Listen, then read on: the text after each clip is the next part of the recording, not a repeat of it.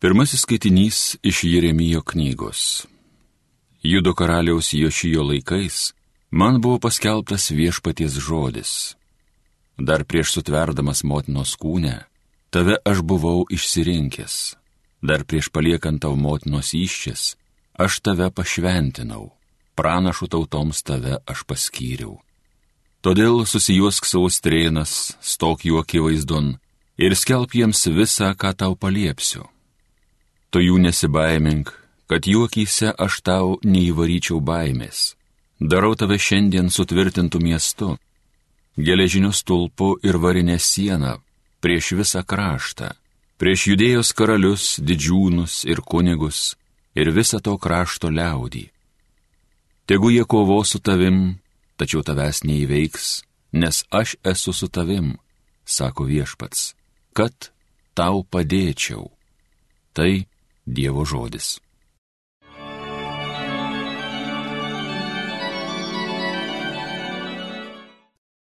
Šlovins mano burna viešpatie tavo pagalba. Tavo prieglupstin viešpatie bėgu ir niekuomet man neteks skaisti iš gėdos. Kaip teisingas esi, trauk mane gelbėk, kreipk į mane savo ausį, vaduokė šlovins mano burna viešpatie tavo pagalba. Tu būk man uola prisiglausti, gelbėtis galinga tvirtovė. Tikrai tu mano uola ir mano tvirtovė, gelbėko Dieve mane nuo nedorilio rankos. Šlovins mano burna viešpatie tavo pagalba. Tu Dieve man ramstis, tavime aš viliuosi nuo pat savo jaunystės. Nuo pat užgimimo mane tu globojai buvai mano sargas nuo pat kūdikystės. Šlovins mano burna viešpatie tavo pagalba. Šlovins mano burna tavo teisybę, tavo pagalbą per visą dieną. Kaip mokiai Dieve mane nuo jaunystės, skelbiu likščiol tavo nuostabius darbus. Šlovins mano burna viešpatie tavo pagalba.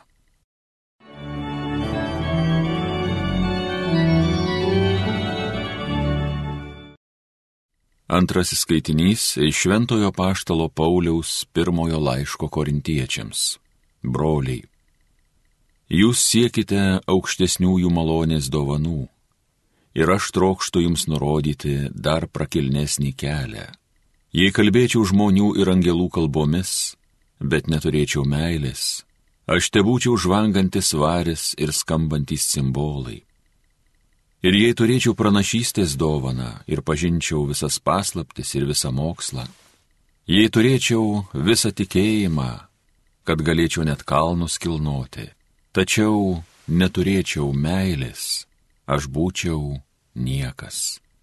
Ir jei išdalyčiau vargšams visą, ką turiu, jeigu atiduočiau savo kūną sudeginti, bet neturėčiau meilės, nieko nelaimėčiau.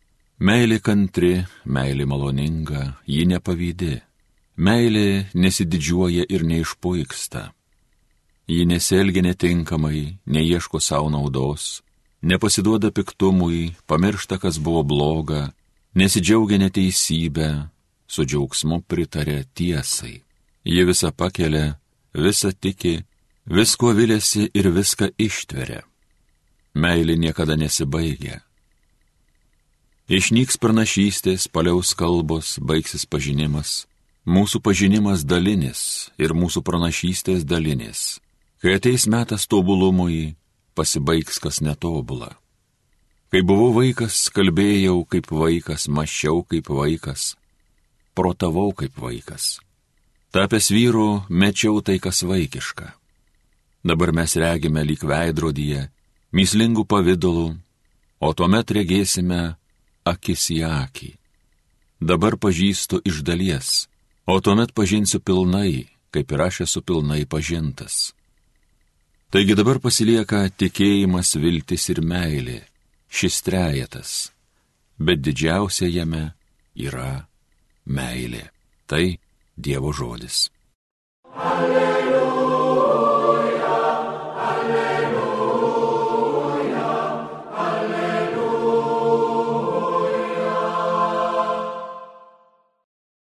Viešpats mane pasiuntė nešti gerosios naujienos vargdienėms, skelbti belaisviams išvadavimo. Alleluja.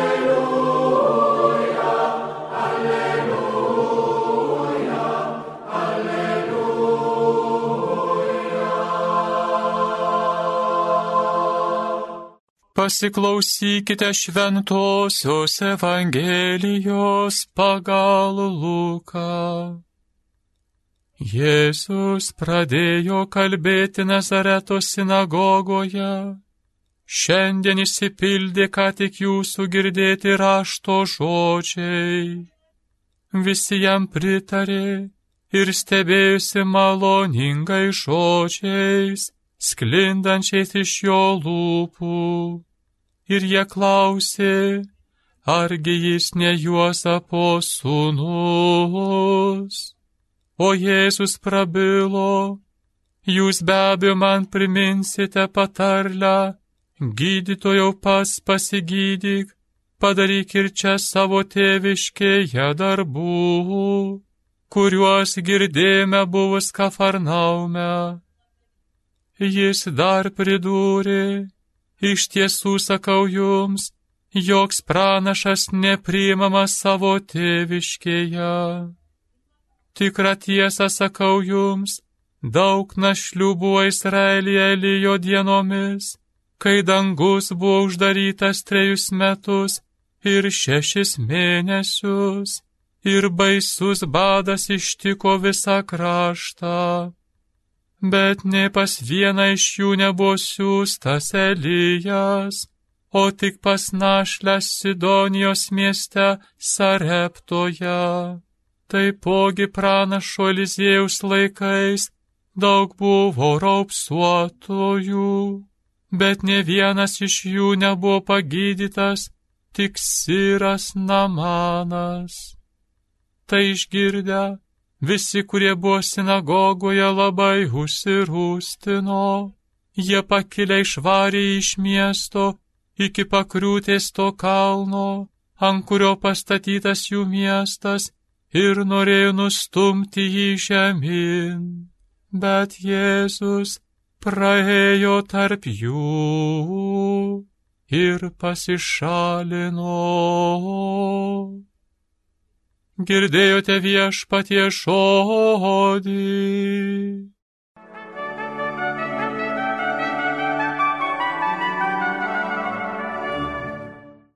Mėly Marijos radio klausytojai, šiandien taip nuostabiai, taip jautriai, taip giliai apie meilę, apie tos meilės savybės kalba šventasis Paulius.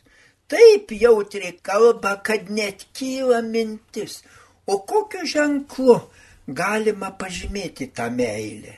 Juk kai kalbama apie meilę, apie jos amžinumą, tai, kad ji niekada nesibaigia, ko gero pats paprasčiausias ir pats teisingiausias ženklas būtų žiedas. Taip, taip, žiedas. Juk žiedas neturi nei pradžios, nei pabaigos, eina aplink. Todėl yra nuostabus ištikimybės ženklas. Bet kokiu ženklu galima pavaizduoti Dievo meilę mums? Atrodo, kad taipogi žiedu, nes Dievo meilė niekada nesibaigia. Bet juk Dievas dydis, tai turėtų tas žiedas būti dydis. O jeigu žiedas dydis, tai jau ratas. Tai ko gero gelbėjimo ratas Kaip nuostabiai tikslu, kaip nepaprastai tikslu. Juk kas mums be atsitiktų, Dievas vis meta mums gelbėjimo ratą. Jo meilė niekada nenustoja gelbėjusi mus, niekada meilė jo nesiliauja, nori visus mus išgelbėti. Nuostabiai Dievo gelbstinčią meilę patyrė Šarlis Fuku. Jei jis būtų negriebęs Dievo gelbstinčios rankos, niekas dabar apie jį nekalbėtų, niekas jo vardo pasaulyje ne neminėtų, o dabar jį primena įsteigtos jo vienuolijos, mažieji broliai ir mažosios seseris. Jie vargingiausiose pasaulio gatvėse gelbsti pražūstančius. Fuko gyvenimas aiškiai padalytas į dvi dalis. Iki 28 metų tai buvo lengvabūdžio gyvenimas. Nors jis buvo gabus, tiesiog talentingas, bet blaškėsi, ulevojo su daugeliu lengvabūdžių moterų. Dėl to net buvo išmestas iš armijos, nors buvo jaunas, perspektyvus leitenantas. Bet tada, būtent tada, galima sakyti, prasidėjo antras gyvenimas. Jis jau 16 metų buvo praradęs tikėjimą. Ir štai Dievas atrodo numetė jam gelbėjimo ratą. Šarlis pamatė, koks baisus jo gyvenimas. Atrodė, kad jau tapsiu skenduoliu, bet Dieve, tu neleidai man nuskesti, ištiesiai man ranką tiesiog negalėjau suprasti, koks tu Dieve geras. Dievas viską padarė dėl manęs, todėl aš viską mečiau. Įstojau į atgailos vienuolių vienuolyną, atsiskyrėlių trapistų ordiną. Ir išvyko jis į pietų Alžyrą, įsirengė ten skurdžią atsiskyrėlio būdelę, pasivadino visų mažuoju broliu. Kažkas užpuolė jį naktį ir nužudė. Bet tai ne pabaiga, ne, ne pabaiga. Jo sekėjai, mažieji broliai ir mažosios seseris dabar apaštalauja visame pasaulyje. Štai ką padaro Dievo meilė. Juk tęsiasi apaštalavimas. Dievo meilę paliūdė ir garsus prancūzų rašytojas Žiolienas Grinas, kuris taip pat po daugelio gyvenimo klaidų tapo tikinčiu. Kaip galiu apibūdinti savo tikėjimo priežastį? Tai Dievas kaltas. Esu Dievo mylimas, tikrai mylimas. Kągi žmoguje padaro tas Dievo meilės stebuklas? Jis padeda žmogui nuo savęs paties išsivaduoti. Taip, taip, nuo savęs paties. Juk sunkiausia žmogui yra išsivaduoti nuo blogojo savęs. Tik Dievo meilė tai įvykdo. Kokia toji meilė? Šiandien labai gražiai pasakoja šventasis Paulius meilės himne.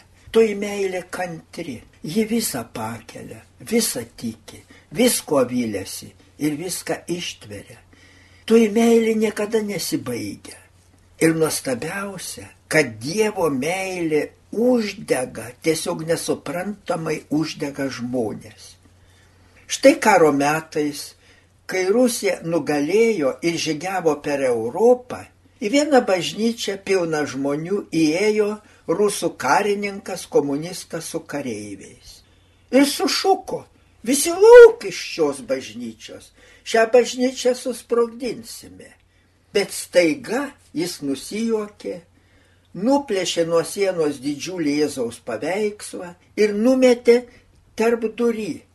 Tik tie, kurie apspjaus šį paveikslą, gali išeiti. Visi kiti su bažnyčia išliks į orą. Visus apimė siaubas. Ir štai po minutės kitos priejo vienas prie paveikslo, ištarė, atleisk viešpatį. Ir spjovė į paveikslą. Ir išėjo. Ir taip vienas po kito išėjo kokie trisdešimt. Staiga prie paveikslo pribėgo kokiu keturiolikos metų mergaitė. Rankomis nušuostė spjaudavos ir ėmė bučiuoti paveikslą. Šūvis. Ji krito ant paveikslo. Paveikslą užliejo kraujas. Niekas nebėjo spjaudyti, nes būtų apspjovę mergaitę ir jos kraują. Nutylo ir karininkas. Staiga su kareiviais išėjo. Žmonės apstojo mergaitę su paveikslu pradėjo kalbėti jos tėvas. Tai aš turėjau šitai padaryti. Dukrelė ir jos mama, mano žmona, daug iškentėjo nuo manęs. Girtavau, trankydavaus, muždavau žmoną, kol ji nugriūdavo kruvina. Dukrelė puldavo prie manęs, šaukdama, nemušk, neužmušk mamos. Ja nuspirdavau, ji raudodavo, tėte, mirsiu už tave, kad Dievas tave išgelbėtų. Jis sunkiai susirgo Ir girdėjau, nekartą girdėjau jos maldą. Dieve, duok man kuo daugiau kančių. Ir mirti man duok, bet išgelbėk tėtę. Nekartą sukritė tokia jos malda. Kol ėmiau vieną dieną šaukti, nebegaliu. Ir pats ėmiau melstis. Ir nustojau kvailioti. Ir kaip džiaugiasi dukra, kaip džiaugiasi, kai ėmėm gražiai gyventi. Tėte, matai, koks geras Dievas, jis miršta už mus ir mes turim taip jį mylėti, kad jo meilę, tikėjimą įrodytume ir savo mirtimi. Tai aš turėjau pirmas bučiuoti paveikslą, nes jis išgelbėjo mane žūstantį. Brangieji, susimastykime dabar, visi susimastykime. Juk dabar pasaulis taip žūsta, kaip tas tėvas ėjo į pražūtį. Ir tai ne vien mano žodžiai, tai paskelbė žymiausi pasaulio rašytojai, Nobelio premijos laureatai, jų 30. Jie atsiliepė į prancūzų rašytojo mąstytojo Bernardo Henry Levi kvietimą skambinti pavojaus varpais dėl griūvančios Europos. Daugybę kalbų skamba jų pareiškimas manifestas. Namai Europą dega. Jų manifestą paskelbė kairysis prancūzų dienraštis Liberation, tai reiškia laisvė. Ir lietuviškai yra išspausdintas tas jų kreipimasis Bernardinuose. Vieną kitą mintį aš iš to jų pareiškimo paskaitysiu. Būtina, būtina skubiai skelbti pavojaus signalą. Europa nepaprastai dideliame baisiame pavojui. Europa tuoj sugrius. Ant kortos pastatytos visos vertybės. Visos jos greunamos, siaubingai greunama moralė. Manifesto autoriai save vadina Europos patriotais, suprantančiais, kad praėjus trims ketvirčiams amžiaus po fašistų įveikimo ir trims dešimtmečiams po Berlyno sienos sugriuvimo vyksta naujas mūšis dėl civilizacijos, dėl doros, dėl moralės. Jau visame vakarų pasaulyje, visoje Europoje visiškai naikinama moralė, be galo platinama paleistuvystė. Jų minėtas manifestas skamba ir skamba. Dievo įsakymai, kurie kadaise sukūrė Europą, dabar daugybė žmonių ir net vyriausybių laužomi. Todėl ne tik tie rašytojai įžymus, bet ir Vokietijos Marijos radijas, jis vadinamas Horebo, paskelbė maldos sąjūdį gelbėti Europą. Ir išgelbėti galima tik tikėjimu ir malda. Tik tokiu būdu galima išgelbėti griūvantį pasaulį, griūvančią Europą. Todėl visus kviečia būti Europos gelbėtojais. Kasdien sukalbėti bent vieną rožinio slėpinį ar kitaip pasimelis. Fatimos regėtoje Liucija skelbia Marijos žodžius, nėra ne vienos, net baisiausios problemos, kurios neišspręstų, kurios nenugalėtų rožinis. Taigi visi brangieji, melskimės, nes pasaulyje nėra kito išgelbėjimo, tik malda. Amen.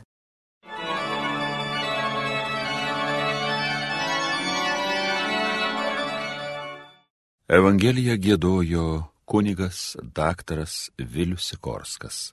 Homilyje sakė panevižio vyskupas emeritas Jonas Kauneckas.